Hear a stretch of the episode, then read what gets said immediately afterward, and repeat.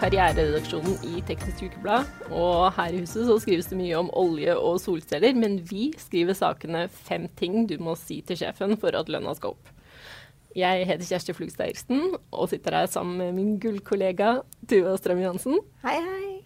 Og så har vi fått med oss karriereveileder Elaine Bloom i dag, og det syns vi faktisk er helt gull. Uh, først, Elaine. Uh, hva er jobben din? Eh, veldig kort forklart så gjør jeg mye forskjellig, men som karriereveileder så er jobben min å støtte individer eller mennesker til å håndtere liv, egen karriere, og til å ta eh, gode karrierevalg som er riktig og viktig for dem. Det er eh, kort forklart, og så er det mye som ligger innenfor det, men det er akkurat det å få støtte til, og kanskje se seg sjøl på en litt annen måte, mulighetsoppmerksomhet, selvinnsikt, håndtere at livet skjer, i lys av dette med karriere, da. Ja. Mm. Eh, vi synes det er så interessant å snakke med deg fordi du jobber som karriereveileder under oljekrisen i 2014. Ja. Du dro til Stavanger for å hjelpe ganske mange permitterte og arbeidsledige oljearbeidere fra ulike firmaer. Eh, hvordan var dine første møter med disse oljearbeiderne? Kan du tegne det bildet for oss? Du, det kan jeg, og det er jo veldig lett å ikke sant? Nå er det et par år siden, eh, men jeg kan relativt raskt hente fram Um, det å skulle ja, være en ny by, og det er jo greit nok, for jeg reiser mye i jobben min, men det å skulle møte eh, mennesker som har kanskje fått livsverket revet unna, identiteten, kanskje tap av status, økonomi, og for noen så visste jeg at noen, noe kom til å skje, men ikke helt når og hvor eller hva. Så noen levde i dette omstillingsspøkelset, mista jobben, noen hadde mista. Um, så det var ulik lengde på hvor lenge man også hadde vært ute, da. Så da var det jo, eh, som eh, det ofte er på en del av disse eh, når det er nedbemanningspakker, da, eller det er kurs, altså for, for alle. Delt opp i bolker så ikke det blei for mange, men en sånn 30 i gruppa. Med individuell karriereveiledning i etterkant av et par dager eller et par uker med kurs, uavhengig av hvordan det var lagt opp. Så da var det å komme inn i lokalet. Eh, veldig lite informasjon om meg. Eh, ikke sant? Bortsett fra at nå blir du sendt på kurs, eller nå har du mulighet til å karriereveiledningskurs. Altså karriere. Jeg jobber som boresjef, riggsjef, kanskje holder på med noe annet. Eh, snubbing eller drill eller hva man utvikler. Um, og nå skal du sitte i et klasserom. Jeg kan jo tegne opp det bildet um, som dreier seg om mye motstand. Og så tenker jeg at når man snakker om motstand, så kan man jo si at hver enkelt hadde jo ikke motstand. Um, men det var noen tydelige skikkelser som kjente at dette her, skal jeg sitte her og høre på dette? Livet for noen eh, er jo i ferd med å gå i grus. Kanskje man tenkte at det er her man skulle være. Eh, man tenker at man kanskje ikke har noe selvfølelse. Altså hva gjør jeg nå? Så det var sinne, det var frustrasjon, det var usikkerhet. Eh, og det var frykt, og det var sorg. Men det kom til uttrykk i litt mer sånn Hva faen gjør jeg her? Altså, åh, hvor lenge varer dette? Eh, hva, hva skal jeg lære? Um, og det så jeg også når jeg kom inn i gangen der, så satt det jo så satt jo det, er jo ulike mennesker, så det er jo alltid noe som ligger bak det som kommer til uttrykk. Eh, men jeg tegner opp det bildet, så var det ikke sånn 'Å, herregud, og her kommer karriereveilederen', og wow, nå skal vi ut og finne ny jobb'. Det var mer sånn 'Å nei'. Også i et klasserom. Og du kan tenke deg mange også som kanskje har noen uh, ubehagelige opplevelser fra skoletiden, da, fra kanskje 10-15-20-30 år tilbake. Eh, og så blir du plassert i en hestesko, her skal vi sitte. Mm. Litt sånn overordna rammer, selvfølgelig. Ja. Følte du deg velkommen? Det er et godt spørsmål. Jeg tror jeg bare bestemte meg for at jeg hadde en viktig rolle å utspille. Um, så da var det mindre viktig for meg da om jeg følte meg velkommen, og mer viktig å få tak i hva er det som foregår? Hva, hva sa de til deg når du kom inn i dette klasserommet? Det som var så fascinerende, det, da, der sitter du, og det var i over, overvekt var det da. Da var det i hvert fall en del menn. Det var jo noen kvinner òg, og i ulike posisjoner. Så det var ikke sånn at alle fra samme stilling. Det var litt sånn hummer og kanari. Eh, men på den tiden, ja. Jeg var jo en del yngre. Så godt voksne. Eh, og det å da stå foran en klasse, da, for å kalle det et klasserom med 30 stykker, alle ser på deg, og så skal du tenke at det, ja, nå skal, det, nå skal, vi snakke om motivasjon, inspirasjon og karrierekompetanser og kartlegging og hva er det du egentlig vil? Mm. Det jeg husker spesielt godt, var jo en som rakk opp hånda som satt helt bakerst. Eh, og da sto jeg der og liksom ja, velkommen og skal sette i gruppa og skal snakke litt om forventninger og rekker opp hånda og sier sånn Hvor gammel er du? Jeg hvor gammel jeg er, spør. Eh, når du gikk i bleier, så tror jeg jeg hadde min fjerde sjefsstilling. Det, det var noe i den gata der. Um, og jeg blir jo litt sånn glad da, når jeg blir utfordra, fordi at jeg har jo jobba mye med, med det mentale veiledningen og jobba mye med meg sjøl også, håndtere ulike situasjoner. Så jeg var veldig, ikke bevisst på at det skulle komme, men jeg tenkte at nå har jeg gyllen anledning til å håndtere dette på en god måte. Så da husker jeg jeg sa til vedkommende å ja, ja, ok, men kan ikke du bare komme opp her da foran klassen, så skal jeg bare fortelle deg noe. Jeg husker ikke helt hva jeg sa. Han kom opp da, og så bare slang jeg den blekka eller den permen og sa vær så god, dette er liksom kurspermen. Um, og så bare gikk jeg og satte meg helt bakerst. Og jeg kjenner når jeg snakker nå, så blir jeg både svett under høyrearmen og får høy puls, fordi det kosta helt sjukt mye. Jeg hadde mest lyst til å liksom bare tenke herregud, ja, hva, hva, skal jeg bidra med? Men jeg visste at ok, jeg kan kanskje ikke noe om snubbing eller å bygge en oljerigg, eller hvordan man skal slepe en rigg fra herfra til derfra, eller alt som dreier seg om dette innenfor olje, men jeg veit at jeg er god på det jeg er her for. Og det må jeg stole på. Um, så når jeg satt bak der, så liksom telte jeg inni meg. Og tenkte at når det har gått ett minutt, da må, jeg, da, da må, det skje noe. Men da sto der og blei helt satt ut. Uh, og så venta jeg lenge nok til at det gjorde vondt, og da sa jeg Si fra når du skal bytte plass. Altså si fra når du måtte kjenner at Så kom jeg ned, og så gikk jeg opp igjen. Så sa jeg Skal vi begynne, da? Og det eh, var veldig kort fortalt. Hvorfor jeg tror jeg håndterte det sånn, er fordi jeg jobba med så mye folk, og det som kom til uttrykk der, handla ikke om meg. Jeg tok det ikke personlig, men for meg så så jeg mennesker for meg ja, som puslespillbrikker. Dette var uttrykk for eh, sorg, smerte, usikkerhet, frykt og uro. Ja. ja. vi skal komme litt tilbake til det. Eh, det høres jo ut da som at du ved at du var så trygg i deg selv, så klarte du å, å vinne han her sin tillit. Eh, og så regner jeg med at du da etter hvert kom, fikk litt dypere kontakt med de, og på et litt mer personlig plan. Mm. Um, kan du fortelle noe om, om, hva du fikk høre fra dem? Ja, altså Folk er jo folk, eh, og jeg tror det ved at jeg også Jeg bøyer på meg sjøl, jeg òg. Og, og, ved at jeg senker garden og dette med å snakke om klasserom eller ha et miljø å være sammen i et nettverk, hvor viktig det er. da. At jeg kan jo ikke dra dette alene, dette er noe vi må gjøre i fellesskap. Og mange kjente jo til samspillet, hvor viktig det er. Um, men det er klart, når du begynner å komme under huden på folk, og man kjenner at det er en tillit, og man etter hvert sitter i individuelle samtaler, eh, og noen ser deg inn i øynene, er opptatt av um, Ser du meg, hører du meg, og betyr jeg noe for deg? Som jeg er opptatt av i det jeg gjør.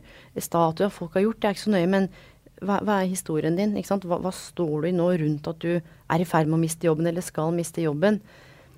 Det som overraska meg, er at det er sjelden noen hadde blitt spurt om ja, hvordan er det egentlig? Eh, hvordan har det vært de siste årene med ting som har skjedd? Så det var flere, flere som beskrev at de har opplevd ulykker, eh, mista noen, eh, sett kollegaer. Ja da. Eh, ulike historier. Og, så kan man jo spørre seg hva har det med karriereveiledning å gjøre? Jo, for det er jo en del av det du har stått i, levd i, kanskje vært i og jobba med. Um, og hvorfor jeg er så opptatt av å fortelle dette her med, med, sorg og For noen så er det jo traume å miste jobben nå, som har vært i jobb lenge med tap av jobbidentitet og status. Karriere kan jo ikke ses på som isolert fra andre områder av livet. Det griper jo inn i eh, nære relasjoner, familie, økonomi, kanskje hvordan du forholder deg til de rundt deg hva er det første vi spør folk om? Ja, hva driver du med? Hva jobber du med? Arbeidsledige. Altså det er så mye skam rundt det. Og det var det også, bl.a. med han som eh, kom med den kommentaren. Han var jo så skamfull. Han kjente på så, Det var så ubehagelig å sitte der at han måtte bare Så kommer det ut på måter som vi ikke klarer å, å, styre. Så i de individuelle samtalene så er det noen som eh, syns dette var helt greit. At nå var det nedbemanning. Men det kunne man ikke si høyt for det, ikke sant. Mm -mm. Det å sitte og tenke at Oh, jeg er litt letta, jeg. jeg har egentlig vært ferdig her en stund. Det må du jo ikke si, ikke sant? for nå er det sånn Nå vi mister jobben, nå må vi mobilisere. Dette året eh, har jo vært tøft, ikke bare for oljebransjen. Mm. Eh, for mange har fått kjenne på krise og usikkerhet rundt jobben sin. Eh, men nå står miljø øverst på agendaen, og vi vet at det blir færre og færre jobber i oljebransjen. Mm. Eh, mange oljearbeidere er kanskje bekymret for fremtiden sin nå. Så vi tenkte at her har vi noe å lære av deg. Ikke minst kan du kanskje si noe om å handle før det smeller. Eh, og Tuva, du er jo ingeniørutdannet, så tenkte kan vi bruke deg som eksempel. Ja, altså, ja, jeg studerte kjemiingeniør back in the days, men uh, ja, lang historiekort. Jeg endte opp som journalist, så ja, et lite karrierebytte har jeg erfaring med. Um, ja. ja. Men Elaine, hvis vi later som at Tuva er en oljearbeider som skal endre karriere, eh, hvor vil du begynne da? Hvis hun f.eks. har jobbet 15 år som boresjef, da, kan du mm. stille henne de to viktigste spørsmålene som hjelper henne med et karrierebytte? Ja, det kan jeg. Og jeg tror det aller første jeg ville stilt, er um, hvordan er det akkurat nå?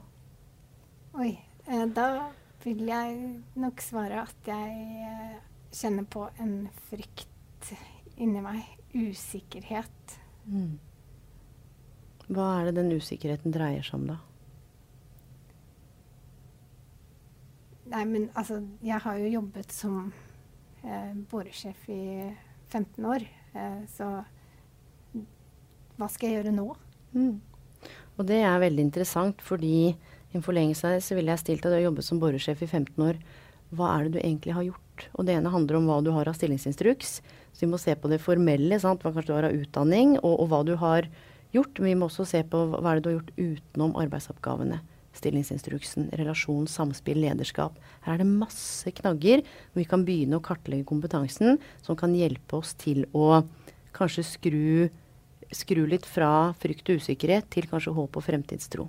Så hvordan Så, vi kan se ja. på kompetansene, og hvordan det kan bli en slags pekepinn på hvor det kan være spennende å stake ut en ny kurs. Ja. Nei, men det tenker jeg er to veldig gode spørsmål. fordi først så må du komme i kontakt med følelsene dine. Du åpner opp der.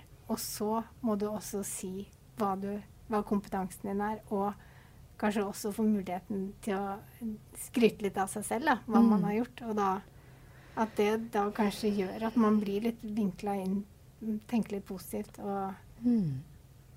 Ja, og veldig kort så handler det om å håndtere overganger. Livet kommer til å skje flere ganger, eh, og det er jo tre faser. Det ene handler om å gi slipp på det som har vært. Derfor jeg spør hvordan du har det nå, ikke, ikke hva det som har vært. Beskriv nå. Og så kan det være sinne, sorg, frustrasjon. Det må vi stå i sammen. Jeg hopper jo ikke rett til neste spørsmål, det må vi stå i sammen. Til vi kommer over til fase to, som handler om usikkerhet og limboland. Hva gjør vi nå? Da må vi begynne å tenke små mål, kanskje planlegge litt sånn fleksibelt. Og jobbe oss gjennom det før vi kommer til den tredje fasen, som handler om håp og fremtidstro. En, sånn, en ny begynnelse. Men det er i ulike faser, så min jobb er å møte deg der du er. Så jeg kan ikke si 'kom igjen, dette er kult, nå skriv en CV'. Du må få lov til å sette ord på ja, hva er det du egentlig kan, hvem er du, hva kan du, hva vil du. Det er ekstremt utfordrende for de fleste fordi vi sliter med å skryte av oss sjøl. Jeg regner med at det kommer et sånt vendepunkt i disse samtalene du da har, eh, som Altså, hvordan, hvordan, ser det vendepunktet ut? Hva, hva ser du på disse oljearbeiderne når det begynner å skje ting? Jeg har en sånn tydelig Ofte så har vi også utarbeida gode dokumenter sammen. Eh, CV, kanskje lagd en ordentlig god CV. Gjort noe med LinkedIn-profil som er smart nå i disse digitale tider. Og ikke minst at du virkelig får sett hva du faktisk kan. Hva du har gjort, mer enn at du bare har hatt en tittel og har gjort det samme, eller og Når folk får lov til å se på hva, hvem de er, hva de kan og hva de har gjort, så får de ofte bakoversveis. Altså sitter med det og bare er dette her meg? Har jeg gjort dette her? Ja, men det visste jeg jo ikke. Relasjon Hæ? Og det er der Da har vi begynt å bevege oss inn i håp, fremtidstro. Kanskje det har skjedd noe med verdiene dine, hva som er viktig for deg. Så det er kjempespennende, altså. Og, og det er ikke noe fasit, så disse to spørsmålene kan variere. Men det er eh, nøkkelspørsmål.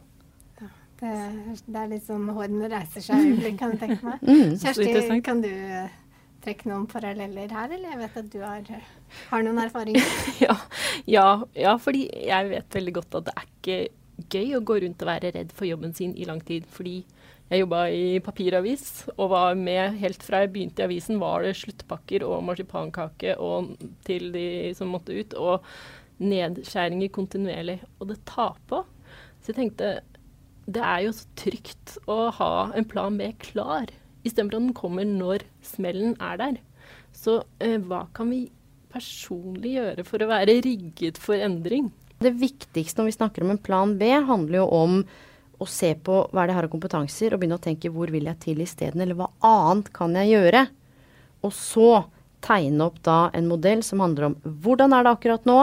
Hvor kunne jeg tenke meg å være på vei, eller hva annet kan jeg gjøre hvis dette her ikke går?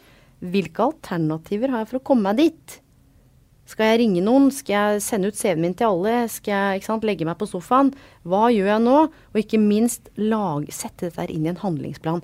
Hva er det første jeg bør gjøre nå? Selv om jeg er i jobb, men jeg er litt utrygg, hva er det første jeg må ta tak i nå? Kanskje jeg bør snakke høyt med partneren min eller en kompis om at jeg er litt urolig. Kan det gi noen perspektiver? Sant? Punkt nummer to. Kanskje jeg skal ringe til den gamle professoren min, for jeg vet at han er inne noe spennende nå. Kanskje jeg skal lufte tankene mine med han. Så her er det ikke noe fasit på hva som er lurt å gjøre i hvilken rekkefølge. Det handler om å sette av tid til refleksjon og tørre å stille seg selv disse spørsmålene. Er en plan B og en plan C er aldri dumt å ha. Men alt trenger ikke være hogd i stein.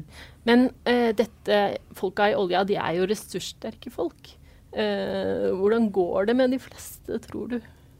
Eh, jeg, jeg, vet, altså ut ifra det de jeg jobbet med tidligere, som har fulgt opp i, i, lang tid, er at det går veldig bra. Det er ikke sikkert oppleves sånn akkurat der og da, men de fleste kommer ut i andre næringer, i andre typer jobber, og noen tar eh, rett og slett en helomvending. Og ender opp eh, som lærere, ender opp med å gjøre noe helt annet enn det de hadde tenkt. Og dette er jo akkurat det vi må ruste oss for nå. Et arbeidsmarked i endring, og at livet skjer. Har du en sånn suksesshistorie med, som du kan trekke frem? En, en oljearbeider som du har i hjertet ditt, kanskje? ja, så fint. Å, herregud, jeg har jo så mange i hjertet.